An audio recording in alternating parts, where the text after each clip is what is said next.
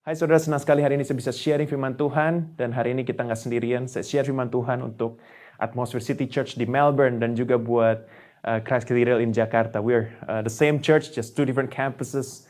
But I'm so thankful, saya bersyukur buat Tuhan masih diberikan kesehatan, kekuatan. Dalam kondisi lockdown sudah tidak nge-gym selama dua bulan saudara. Tapi puji Tuhan baju ini masih muat saudara. Karena waktu saya membelinya saya beli dengan iman. Saya pikir gym buka ternyata tutup. Dan saya bersyukur bahwa saudara juga dalam keadaan yang sehat. Saya dengar banyak kabar baik di jemaat Tuhan uh, di Australia dan di Indonesia. Dalam kondisi krisis bahkan mendapatkan pekerjaan. Ada bisnis bisnis yang mulai sudah mulai bangkit, sudah mulai uh, meningkat omsetnya, puji Tuhan. Tapi kalaupun belum, percaya bahwa Tuhan akan menolong kita dan Tuhan memperhatikan kebutuhan kita. Tahukah saudara bahwa waktu kita mengiring Tuhan, dia tidak hanya memperhatikan kebutuhan rohani kita, tapi dia juga memperhatikan kebutuhan jasmani kita. Saat berapa ribu orang mengikut Tuhan, mereka kelaparan. Tuhan tahu mereka lapar. Dan saudara Tuhan tahu, saudara lapar, saudara kekurangan sesuatu. Bukan hanya rohani sih, maybe you need uh, a breakthrough in your business. Maybe in your study, you're struggling karena online semua student struggle, saudara. Ya, mungkin pekerjaanmu butuh pertolongan. Mungkin kau butuh butuh um, uh, breakthrough juga di relationshipmu Mungkin ada masalah keluarga dan lainnya. Dan Tuhan tahu seluruh kebutuhan kita. Bahkan sebelum kita meminta, dia sudah tahu terlebih dahulu. So hari ini saya ingin share mengenai bukan hanya percaya kepada Tuhan. Tapi kalau sudah suka dengan judul khotbah, maka judul khotbahnya adalah dipercaya oleh Tuhan. How amazing is that? Untuk dipercaya oleh Tuhan. Oke, okay, so bukan lagi percaya pada Tuhan, bukan hanya percaya pada Tuhan, tapi dipercaya oleh Tuhan. Bahasa Inggrisnya trusted by God. Nah, saya akan divide ini into part 1 and part 2. Uh, hari ini saya akan bahas tentang part one-nya, tentang apa sih itu dipercaya oleh Tuhan. Nah, part 2 maybe minggu depan atau beberapa minggu ke depan, saya akan bahas mengenai bagaimana atau seperti apa sih orang-orang yang dipercaya oleh Tuhan. So, mari kita lihat ada dua ayat yang saya tampilkan buat saudara, yang saudara bisa lihat di screen saudara. Dan dua ayat ini banyak orang berpikir, ini ayat kok bertentangan ya. Maka itu saya senang kalau uh, memulai khotbah dengan suatu ayat yang kira-kira saudara bisa lihat ini ayat kok sepertinya bertentangan gitu. Supaya saudara, saudara di-challenge untuk berpikir. Oke, yang pertama Yohanes 3:16 ayat hafalan kita semua. Anak sekolah minggu pun hafal ayat ini. Karena begitu besar kasih Allah akan dunia ini sehingga ia telah mengaruniakan anaknya yang tunggal supaya setiap orang yang percaya kepadanya tidak binasa melainkan beroleh hidup yang kekal. So Yohanes selesai di situ. Jadi setiap orang yang percaya kepadanya tidak binasa tapi beroleh hidup yang kekal. Nah, Yakobus 2 ayat 19 berkata, engkau percaya bahwa hanya ada satu Tuhan saja, itu baik. Tetapi setan pun juga percaya akan hal itu. Dan mereka gemetar. Now, I want to tell you this, uh, saudara, bahwa ayat ini tidak bertentangan. Karena kalau kita lihat sebetulnya di Yakobus, Yakobus bilang percaya itu baik. Yakobus tidak bilang percaya tidak cukup loh, saudara. Percaya itu baik menurut Yakobus. Tetapi perbedaannya begini. Kalau saudara tanya apa percaya cukup, Pastor? Saya hanya percaya saja ya um, oma saya selalu bilang yang penting iman gitu. Nggak perlu ngerti nggak apa-apa. Yang penting iman aja yang penting percaya saja gitu kan. Asal percaya saja semua sakit hilang lah ya anak muda udah nggak tahu lagu itu. Ya jadi asal percaya saja. Tapi ternyata menurut Yakobus seakan-akan percaya itu baik it's good it's good. Tapi saudara setan pun percaya. Saudara Ya, amit-amit kalau saudara jangan pernah ketemu setan. Tapi kalau kalau kalau kalau sampai kalau misalnya setan bisa diinterview, saudara. Ya, kalau bisa ditanya, setan percaya nggak bahwa Tuhan Yesus itu anak anak Bapa dan dia mati di kayu salib, dia anak Allah yang hidup, dia mati di kayu salib, percaya dia Tuhan? Pasti mereka percaya. Orang jelas sekali, mereka justru mereka tahu bahwa Yesus itu Tuhan, makanya mereka ketakutan. Bahkan ada satu setan-setan diusir sama Tuhan, ya ketakutan bilang apa apa urusanmu di sini? Dan mereka akhirnya dimasuk ke babi babinya jatuh ke, ke, ke, ke jurang mati. Karena setan pun gemetar saudara. Mereka gemetar ketakutan.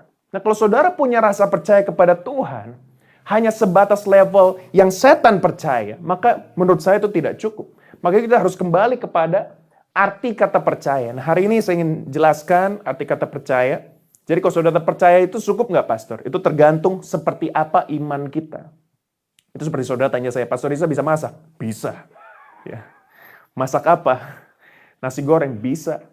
Tapi nasi goreng seperti apa? Nasi goreng itu gampang sekali. Sudah nasi jadi, masukkan ke kuali, kasih minyak, kasih kecap, jadilah nasi goreng. Nah kalau sudah tanya apakah saya bisa masak? Bisa, tapi seperti apa kualitasnya? Nah saudara harus coba sendiri. Yang jelas anak saya tidak pernah mau makan masakan saya. Nah saudara udah tahu bahwa kualitasnya berarti tidak baik. Tapi kalau sudah tanya istri saya apakah dia bisa masak? Dia benar-benar bisa masak. Puji Tuhan sudah selama lockdown restoran tutup. Saya tetap makmur saudara ya karena masakannya enak-enak. Nah, jadi seperti apa iman kita? Nah, terambil daripada Yohanes 3:16 saya coba untuk lebih lagi mendalami kata percaya di situ. Ternyata kata percaya di situ adalah pistuo dari kata pistis atau faith yang berarti to entrust, commit, put in trust with. Ternyata saudara kalau di bahasa Indonesia sulit untuk saya menjelaskan karena kata percaya cuma satu. Ya. Tapi kalau di bahasa Inggris sebetulnya ada ada tiga level kata percaya. Belief, trust, and trusted. Kita mulai dari belief.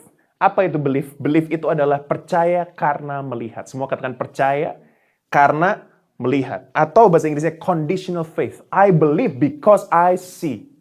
Ada seorang bapak-bapak yang matanya sakit, ya dia menderita glaukoma atau mungkin sudah hampir tidak bisa sembuh. Lalu ditanya, eh mau nggak didoakan oleh pastor itu? Dia seorang yang punya karunia kesembuhan. Bapak ini percaya kepada Tuhan, dia percaya Tuhan itu juru selamat, dia percaya Tuhan bisa menyembuhkan. Lalu Bapak ini bilang, begini deh, kalian pergi dulu. Kalau kalian sembuh, baru saya pergi juga. Ya, itu bukan percaya namanya, saudara. Itu namanya conditional faith, percaya karena melihat. Satu kali Yohanes 46 sampai 48 mencatat, maka Yesus kembali lagi ke Kana di Galilea, di mana ia membuat air menjadi anggur. Oke, okay, so ini tempat di mana dia melakukan mujizat pertama. Dan di Kapernaum ada seorang pegawai istana, anaknya sedang sakit. Ketika ia mendengar bahwa Yesus telah datang dari Yudea ke Galilea, pergilah ia kepadanya lalu meminta supaya ia datang dan menyembuhkan anaknya. Sebab anaknya itu hampir mati. Maka kata Yesus kepadanya, jika kamu tidak melihat tanda dan mujizat, koma, kamu tidak percaya. Jadi kata Tuhan Yesus ini sebetulnya imannya orang ini bukan karena, oh Iya, saya percaya kepadamu Tuhan, tapi saya percaya kepadamu karena saya sudah melihat. Ingat, ini di Kana. Ya, di mana Tuhan sudah pernah uh, membuat mujizat sekitar dua tahun sebelum uh, ayat ini ditulis. Nah, sebelum uh, kejadian ini. Jadi ingat ya, oh itu ada Tuhan Yesus yang membuat mujizat di Kana. Karena dia melihat maka dia percaya. Thomas berkata, sebelum saya mencucukkan sendiri jariku kepada bekas luka Tuhan, saya nggak akan percaya. Tuhan Yesus bilang, kamu kamu percaya karena kamu melihat. Berbagai orang yang tidak melihat, namun percaya. Saudara, jangan sampai kondisi iman kita, kualitas percaya kita, itu hanyalah kualitas yang kondisional. Ya, conditional faith. Tuhan saya percaya kepadamu, terima kasih Tuhan. Karena Tuhan sudah buka jalan buat scholarship saya. Tuhan saya percaya kepadamu karena Tuhan sudah selamatkan pernikahan saya. Tuhan saya percaya kepadamu karena Tuhan sudah berikan terobosan dalam karir saya. Bagaimana kalau pernikahannya tidak selamat? Bagaimana kalau COVID kita sudah doakan keluarga kita tapi tidak sembuh bahkan dipanggil Tuhan. Bagaimana kalau bisnis tidak semakin baik tapi semakin buruk? Apakah kita tetap percaya? Nah, itu pertanyaan yang sedang dihadapi semua orang percaya saat ini. Where is God when crisis happens? Dan saya mau encourage saudara untuk move dari dari belief, conditional faith kepada trust, yaitu unconditional faith. Ada satu gambar yang saya mau saudara lihat. ya Satu kali um, ada seorang pemain sirkus. Ya. Dia seorang tightrope walker. Apa itu tightrope? Jadi itulah ya, itu tali yang um, tali yang panjang begitu, lalu dia uh, inilah dia berdiri di atasnya itu pakai uh, tongkat keseimbangan begitu. Ya dulu saya pernah bisa waktu kecil di atas kasur tapi ya dan itu menggunakan tali rafia yang tentunya patah. Nah, tapi orang ini uh, sangat expert dan dia dari dari satu poin A ke poin B menggunakan itu bisa tepuk tangan audiens. Terus dia tanya, saudara uh, kalian percaya semua bahwa saya bisa lagi jalan ke situ?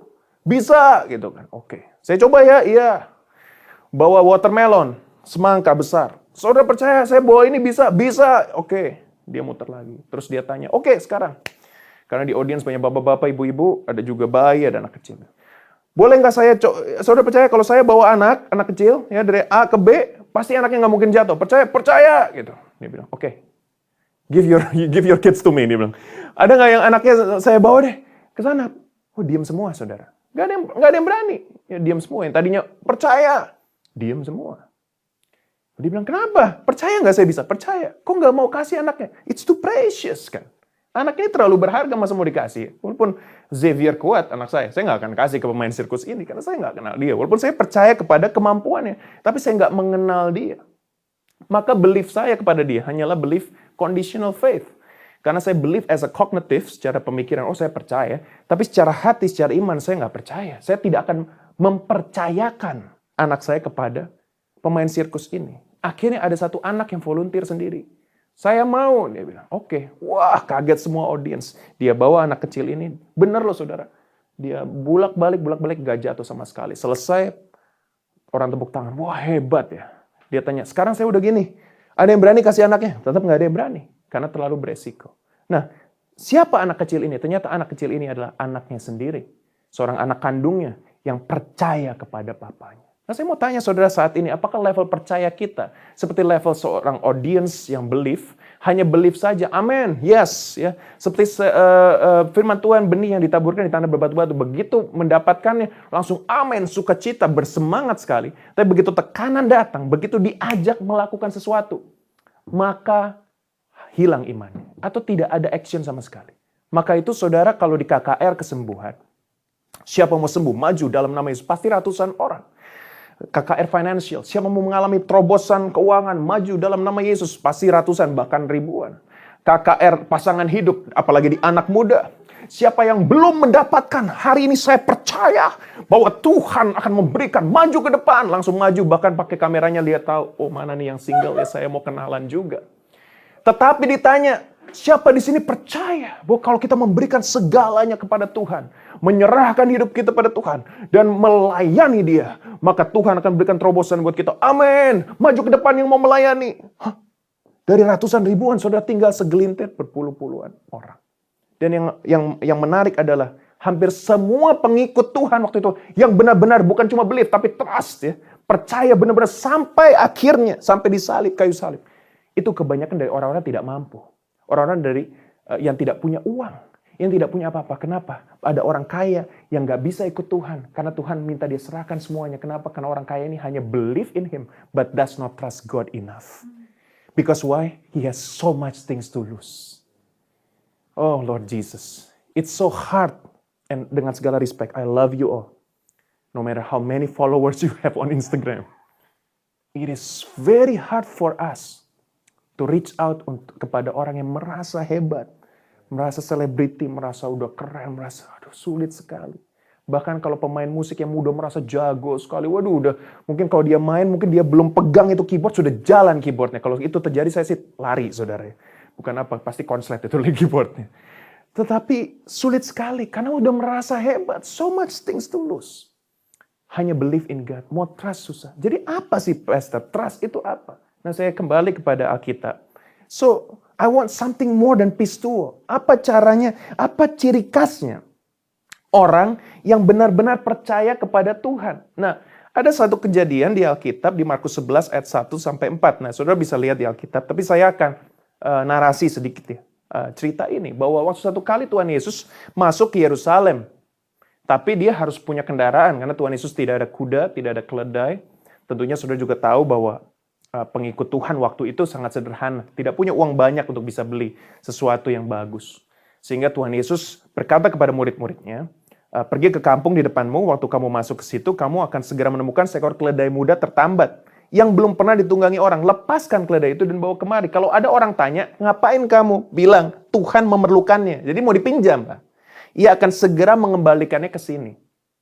Mereka pun pergi dan mendapatkan itu semua. Benar oh ada. Mereka mau lepaskan kayak mau nyolong begitu kan. Jadi orang yang ownernya tanya dong kamu ngapain? Oh ini Tuhan memerlukannya. Padahal saudara owner ini tidak tahu siapa itu Tuhan. Mereka belum lihat Tuhan Yesus belum masuk ke Yerusalem.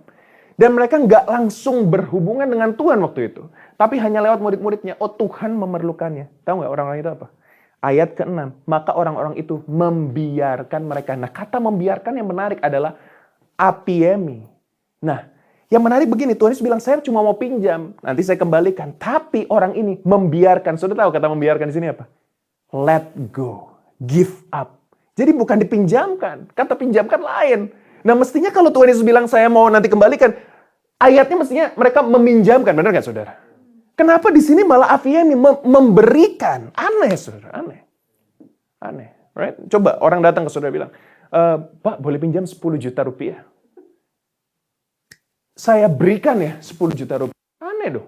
Saudara pasti bilang saya, oke okay, saya pinjamin dulu ya. Agak, agak tight, cash is a bit tight, but saya pinjamkan ya. Saya udah transfer. Saya pinjamkan jelas kata bahkan WhatsApp screen di di highlight ya supaya ada bukti bahwa ini pinjaman bukan pemberian.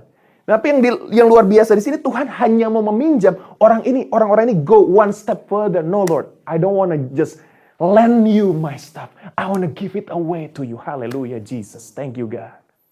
Yang luar biasa kan gini kan Tuhan mau pinjam, orang ini memberikan. Haleluya. Jangan Tuhan mau minta, kita meminjamkan. Itu keterlaluan, Saudara, ya kan? Tuhan mau pinjam, orang ini memberikan. Tapi kadang-kadang Tuhan mau minta, kita cuma meminjamkan. Begitu kalau sudah persembahan, bawa persembahan ke rumah Tuhan, jangan Tuhan, saya kasih ya, tapi berkati saya. Gak bisa, sudah. It doesn't work that way. Makanya saya saya nggak pernah dan saya it's, it's okay. I, I love every church. Saya uh, saya meng, mengasihi semua jenis doa saudara ya, jenis doa apa pun saya mengasihi. Tapi saya tidak pernah doa. Tuhan, kami akan memberikan yang terbaik. Tuhan berkatilah Tuhan tangan kami ini supaya kami menerima berlipat-lipat kali ganda. Saya tanya, lah kamu ini mau negosiasi sama Tuhan. Do you want to give the best to God? Or do you want to give something because you want something back?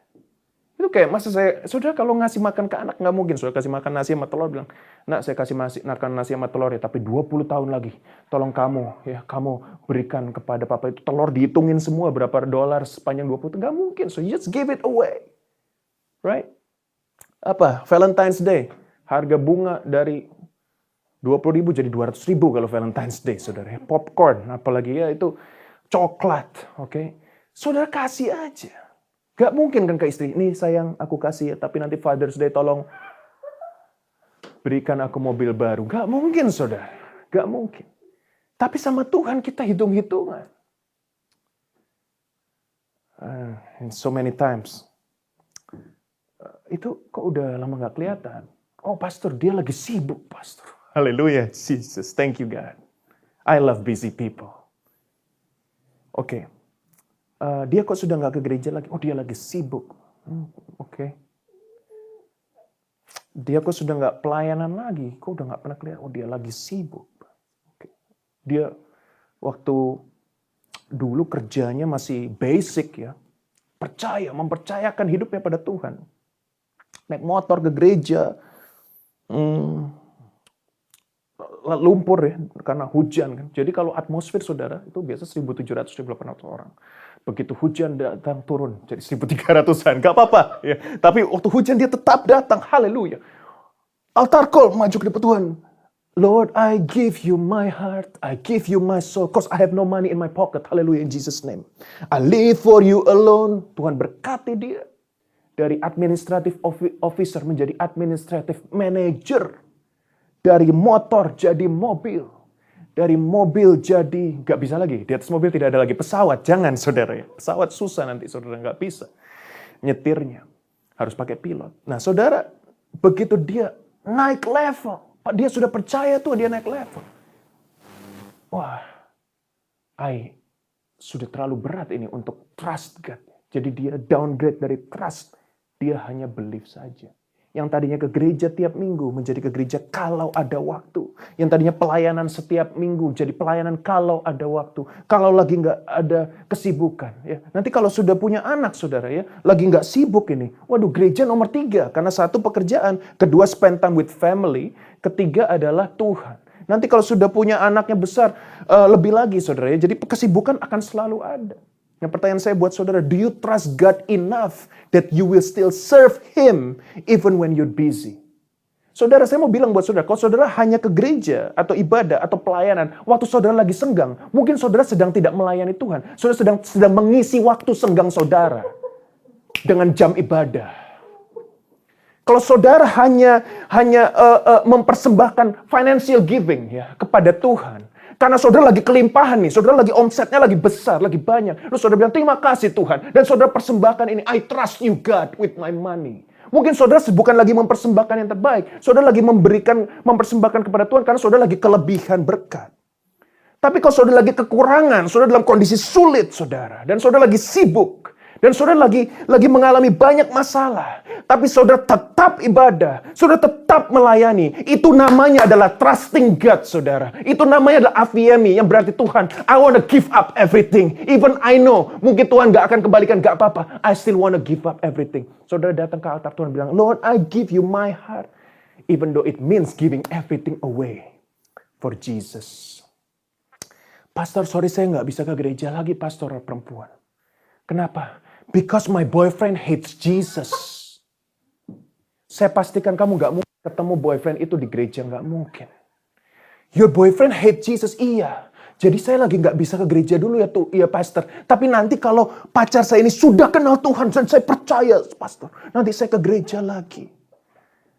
And then you still sing, my first love is Jesus. You're the one that I love. Gombal kata malaikat sudah. Malaikat pun bisa bilang gitu. Apakah itu? Saudara kalau saudara dengar khotbah ini dan kuping saudara mulai panas ya dan saudara mulai ini saya udahlah mau switch ke channel lain. Puji Tuhan saudara, Tuhan sedang bekerja dalam hati saudara.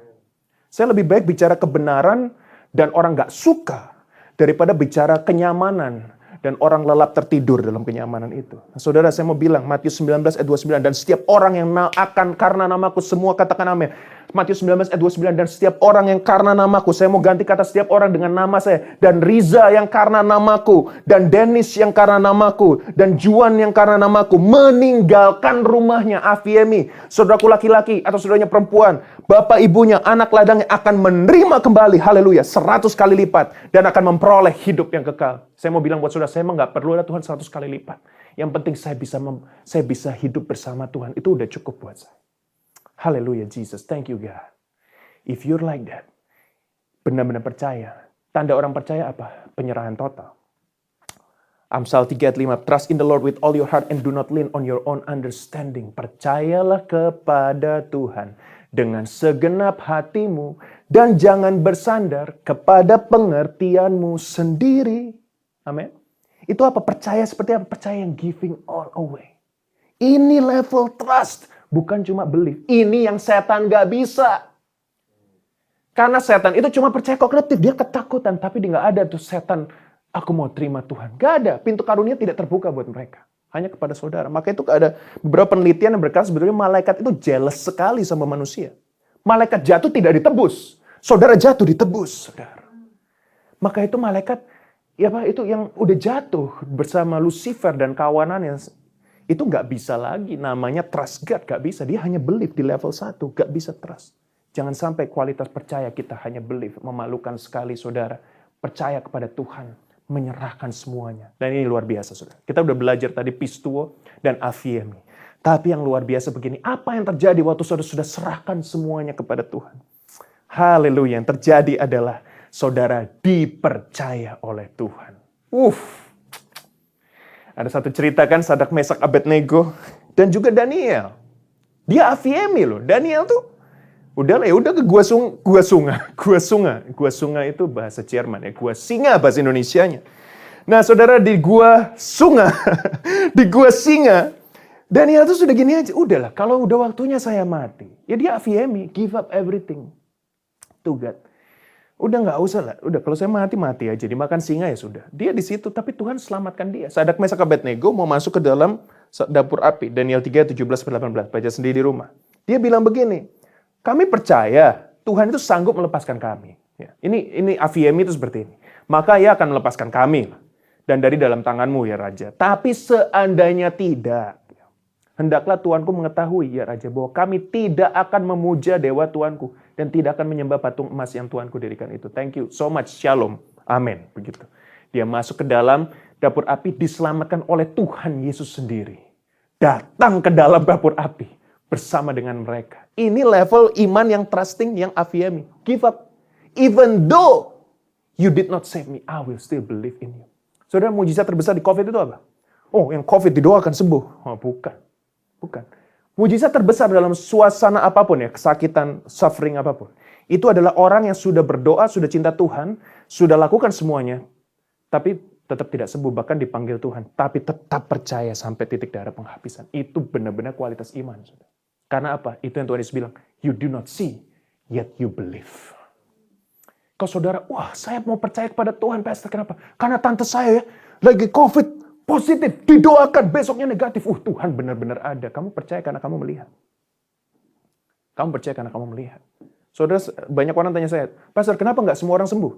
Kenapa nggak semua orang doa diberkati? Kalau semua orang doa diberkati, semua orang doa sembuh, maka gereja penuh seluruh dunia, saudara. Ya, maka semua orang mau jadi Kristen. Kristen menjadi satu agama yang yang dimarket, dipromoted sebagai prosperity. Haleluya. Healing comes for those who believe. Bahkan kalau saudara tidak bersembuh, katanya saudara kurang iman. Saya bilang buat saudara, saudara nggak sembuh. Ayub itu kehilangan segalanya. He still believes. Itu namanya trust. Afiemi, afiemi, afiemi. In the name of Jesus, terjadi buat kehidupan saudara. Saudara kalau doa begini dong, Tuhan aku percaya kepadamu, engkau akan berikan terobosan dalam keluargaku, dalam sekolahku, dalam bisnisku, dalam karirku. Tapi kalaupun tidak, Aku tetap akan melayanimu. Aku tetap akan memberikan yang terbaik kepadamu. Itu Afiemi, saudara. Pastor, kok sekarang banyak orang sudah nggak percaya? Karena Tuhan lagi sortir nih. Mana yang believe, mana yang trust. Saya berdoa biar saudara yang sedang mendengar ini. Itu trust God. Karena buat saya sudah nggak ada gunanya lagi untuk pleasing di ears lagi. Khotbah motivasi udah nggak ada gunanya. Khotbah motivasi sudah sudah nggak ada gunanya, saudara. Khotbah motivasi tidak akan membangkitkan iman saudara, akan menyenangkan hatimu. Waktu lagi krisis, it's not gonna help you.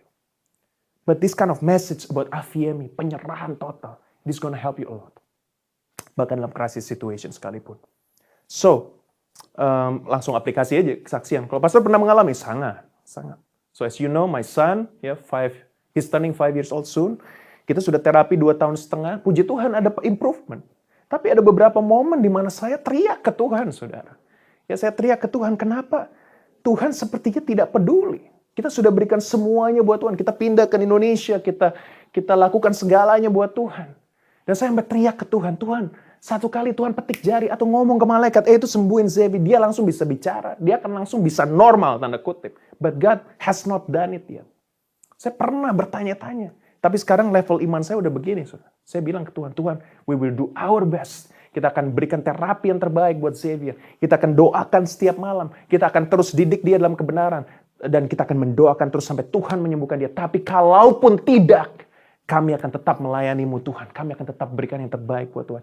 Itu level iman yang Tuhan mau. Tuhan menguji apakah saudara seperti Abraham yang tetap mau menyembelih anaknya. Walaupun ini hal paling berharga dalam kehidupannya. Makanya Abraham itu bapak orang beriman, saudara. Walaupun dia berbuat kesalahan, tapi imannya kepada Tuhan itu diperhitungkan sebagai kebenaran. Nah, saudara saya mau mengakhiri dengan satu table ini.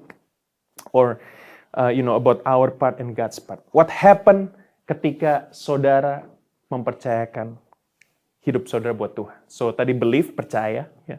Yang kedua trust, mempercayakan hidupmu, give up everything away, menyerahkan, berserah total. Yang terjadi adalah Matius 25 ayat 14. Sebab hal kerajaan sorga sama seperti semua seorang yang mau berpergian ke luar negeri yang memanggil hamba-hambanya dan mempercayakan hartanya kepada mereka. Semua katakan amin. Mempercayakan apa? Hartanya kepada mereka saudara. Yang terjadi begini. Ketika saudara mempercayakan hidupmu kepada Tuhan. Tuhan mempercayakan kerajaannya saudara. Hartanya kepada kita. Para didomi itu apa? Menyerahkan.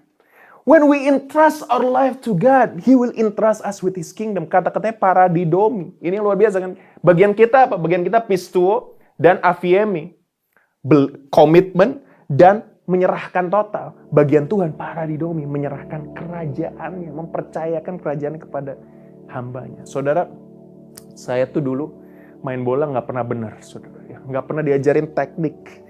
Nendang gitu. Saya belajar tendangan pisang dari David Beckham tahun 97 karena dia salah satu pelopor tendangan pisang 97 96 sudah katanya harus pakai uh, kaki bagian luar supaya bisa pisang begitu saudara seperti 45 derajat. Yang ada saudara saya tendang bolanya kena pohon pisang saudara. Jadi lurus tapi kenanya pohon pisang nggak memisang seperti ini. Tapi waktu satu kali coach saya memanggil nama saya saudara SMP apa SMA. Strikernya cedera Papua tinggi. Tunjuk saya, Riza, your turn. Haleluya. Dengan kebanggaan saudara saya masuk ke lapangan.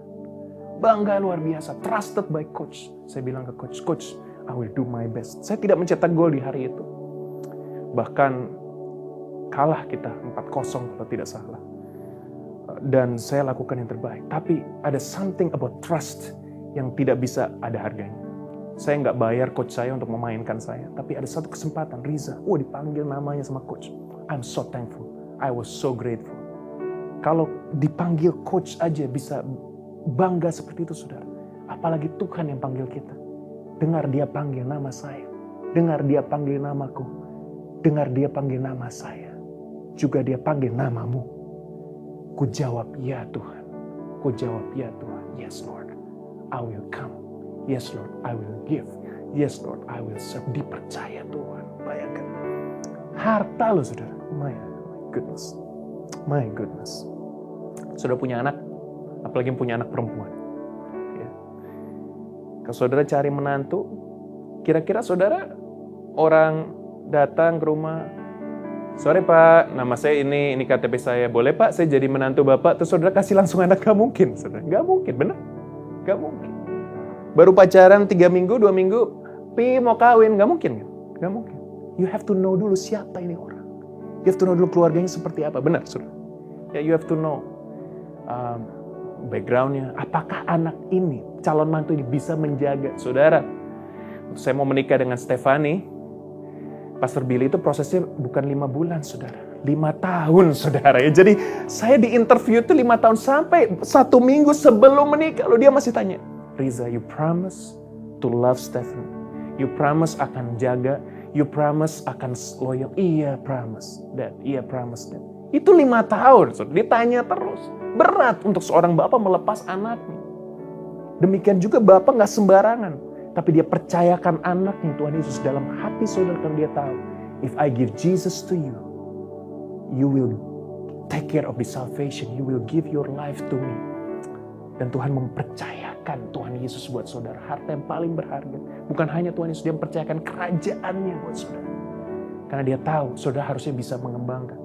Maka itu saudara saya percaya dalam kekristenan kita punya satu tanggung jawab mengembangkan apa yang Tuhan sudah berikan kepada kita dan mengembalikan untuk kerajaan. Kita mengelola.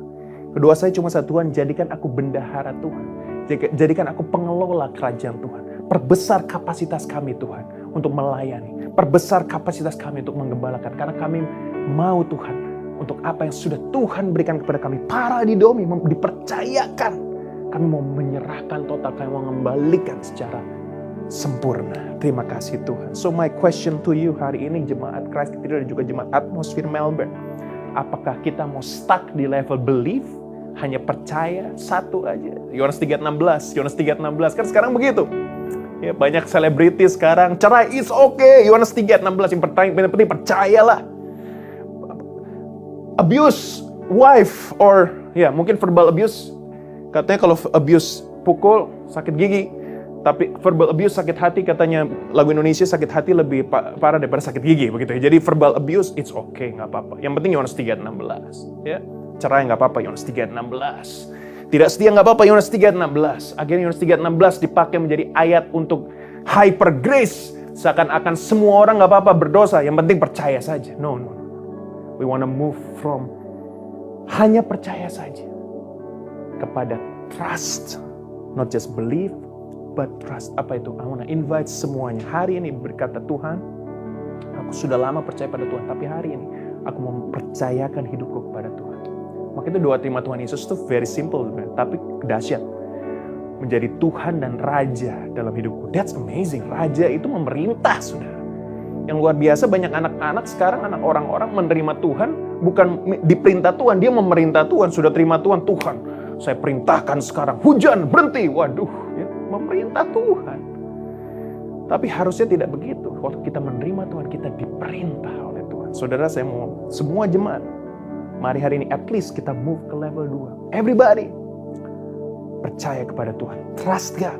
Serahkan semuanya. Afiemi, give everything away. Give everything away to God. Semuanya. Apa yang dia minta, berikan. Apa yang dia minta, berikan. Apa yang dia minta, berikan. Apa yang dia minta, berikan. Haleluya. Amin. I still remember sampai hari ini. Dan saya bersyukur saudara, saya tidak pernah kekurangan, saya tidak saya selalu berkecukupan, kadang ada lebih, kadang sedikit tight budget wise. But I I remember ada satu kejadian waktu itu uh, we wanna go to Japan, kita mau ke Jepang. Dan gak jadi ke Jepang. Lalu I think there was a pembangunan rumah Tuhan or something, saya lupa lah berapa tahun yang lalu. And um, ada seorang pembicara and then just like oke okay, mari kita berikan semua buat Tuhan. Saya mau berikan buat Tuhan lah ya. You know, kita udah sisihkan, bukan sisakan tapi sisihkan sesuatu buat berikan buat Tuhan. And then Holy Spirit bilang ke saya, ketuk hati saya, eh hey, Riza, kamu nggak jadi ke Jepang. Iya nggak jadi ke Jepang. Because I think COVID maybe or something. I, I, I agak sedikit lupa saya ceritanya. Terus Tuhan bilang, oke okay, itu yang Jepang-Jepang itu yang kamu sudah sisihkan buat itu just give everything away for for me ini sekarang kamu kamu tulis angkanya kamu kasih saya bilang oke okay. saya lihat istri saya lagi penyembahan juga kan biasa kalau suami tumpul tanya istri di situ lebih tajam. Gitu sebenarnya. Jadi ya udah saya tulis lah oke nggak jadi ke Jepang. Saya tulis saya tulis satu angka begitu. Oke saya tulis satu angka. Terus diketuk lagi sama Tuhan Riza bukan itu angkanya yang kamu sudah sisihkan buat Jepang. Tuhan itu tahu. Dia akuntan yang luar biasa saudara. Jadi saya saya agak ketawa sedikit. Saya, saya, saya ngulis, saya, Tuhan bilang semua yang udah disisikan buat Jepang, give it away right now. Gimana?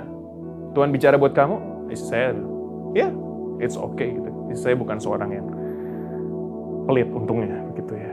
Um, tapi anehnya kalau lagi belanja Tokopedia agak pelit saudara ya. Tapi tapi kalau buat Tuhan itu dia uh, ya yeah, she's generous person. Thank you.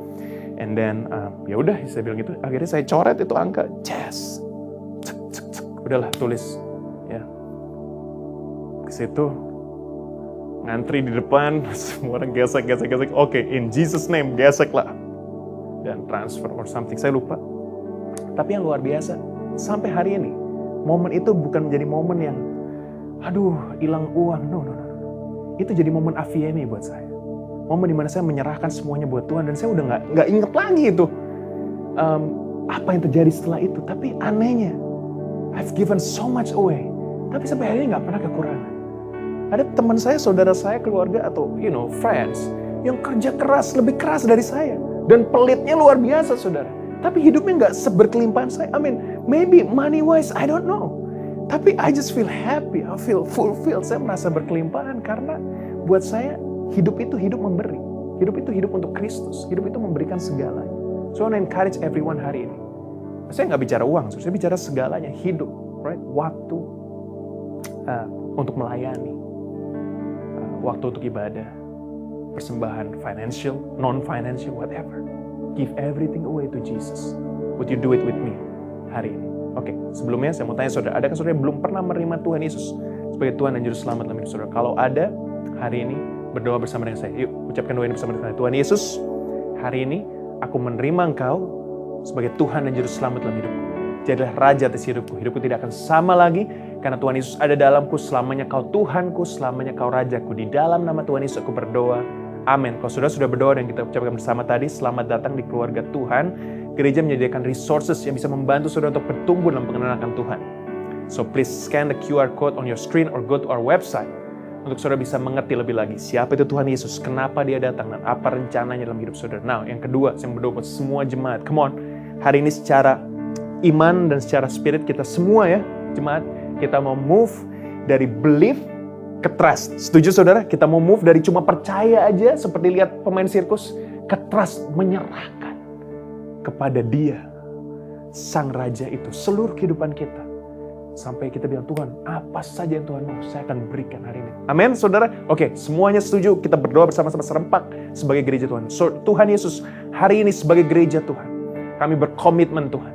Kami nggak mau stop di level percaya belief, or conditional faith, or percaya karena melihat. Kayak mau next Tuhan, maju ke level berikutnya, yaitu percaya walaupun tidak melihat yaitu menyerahkan segala sesuatu yang kami punya kepada Tuhan. Afiemi, seperti seorang yang punya keledai 2000 tahun lalu yang Tuhan minta keledai itu. Tuhan mau pinjam keledainya, tapi mereka afiemi, mereka membiarkan keledai itu untuk Tuhan pakai dan tidak meminta kembali. Kami mau seperti pemilik keledai itu Tuhan. Inilah hidup kami saat ini. We give everything to you. We give everything to you, Jesus. Kami mau afiemi saat ini. Dan yang ketiga kami berdoa Tuhan. Supaya kami bisa dipercaya oleh Tuhan. Sungguh alangkah indahnya saudara. Orang-orang yang dipercaya oleh Tuhan. Maukah saudara dipercaya Tuhan saat ini? Kalau saudara mau, mari angkat tanganmu. Saya akan berdoa buat saudara kira lama saya bararama syakata kara lama sende. Saudara saya merasa Tuhan seperti mencurahkan sesuatu saat ini, siang, sore ini, di mana pun saudara berada, bahkan malam saya merasa bahwa Tuhan sedang mencurahkan sesuatu. Ya Tuhan memberikan kunci kepada saudara. Saya melihat seperti ada kunci diberikan kepada saudara. Dan Tuhan bilang inilah kunci kerajaanku. Aku percayakan padamu. Para didomi. I trust you with key to my kingdom. Untuk menjadi pengelola kerajaan Allah.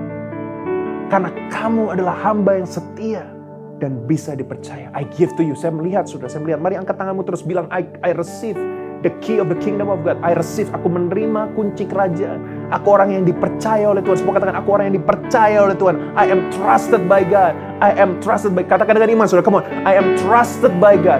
I am trusted by God. Thank you for your trust Lord Jesus. Terima kasih buat kepercayaan Tuhan. Terima kasih buat kepercayaan Tuhan. Terima kasih buat kepercayaan Tuhan. Kamu menjadi pengelola yang baik. Kamu menjadi bendahara kerajaan Allah. Kami percaya hidup kami akan penuh kelimpahan. Bukan untuk diri kami sendiri. Tapi untuk menjadi berkat buat orang lain. Kami percaya Tuhan yang percayakan lebih banyak hal kepada kami. Bukan untuk self-edification Tuhan. Bukan untuk membangun diri sendiri, tapi untuk membangun orang-orang sekitar kami. Kami terima kunci kerajaan Allah. Kami terima kepercayaan Tuhan pada saat ini di dalam nama Tuhan Yesus Kristus. Saudara, mari kita mau akhiri dengan menerima berkat Tuhan. Angkat tangan dan terimalah berkat Tuhan. Kiranya berkat rahmat dari Allah Bapa kasih karunia petunjuk Allah Tuhan Yesus Kristus dan persekutuan daripada roh yang kudus menyertai kehidupan mulai hari ini. Supaya Tuhan Yesus datang yang kedua kalinya engkau tidak hanya percaya, tapi engkau mempercayakan kehidupanmu buat Tuhan. Dan engkau dipercaya oleh Tuhan untuk mengelola kerajaannya. Terimalah berkat Tuhan yang luar biasa di dalam nama Tuhan Yesus Kristus. Amin.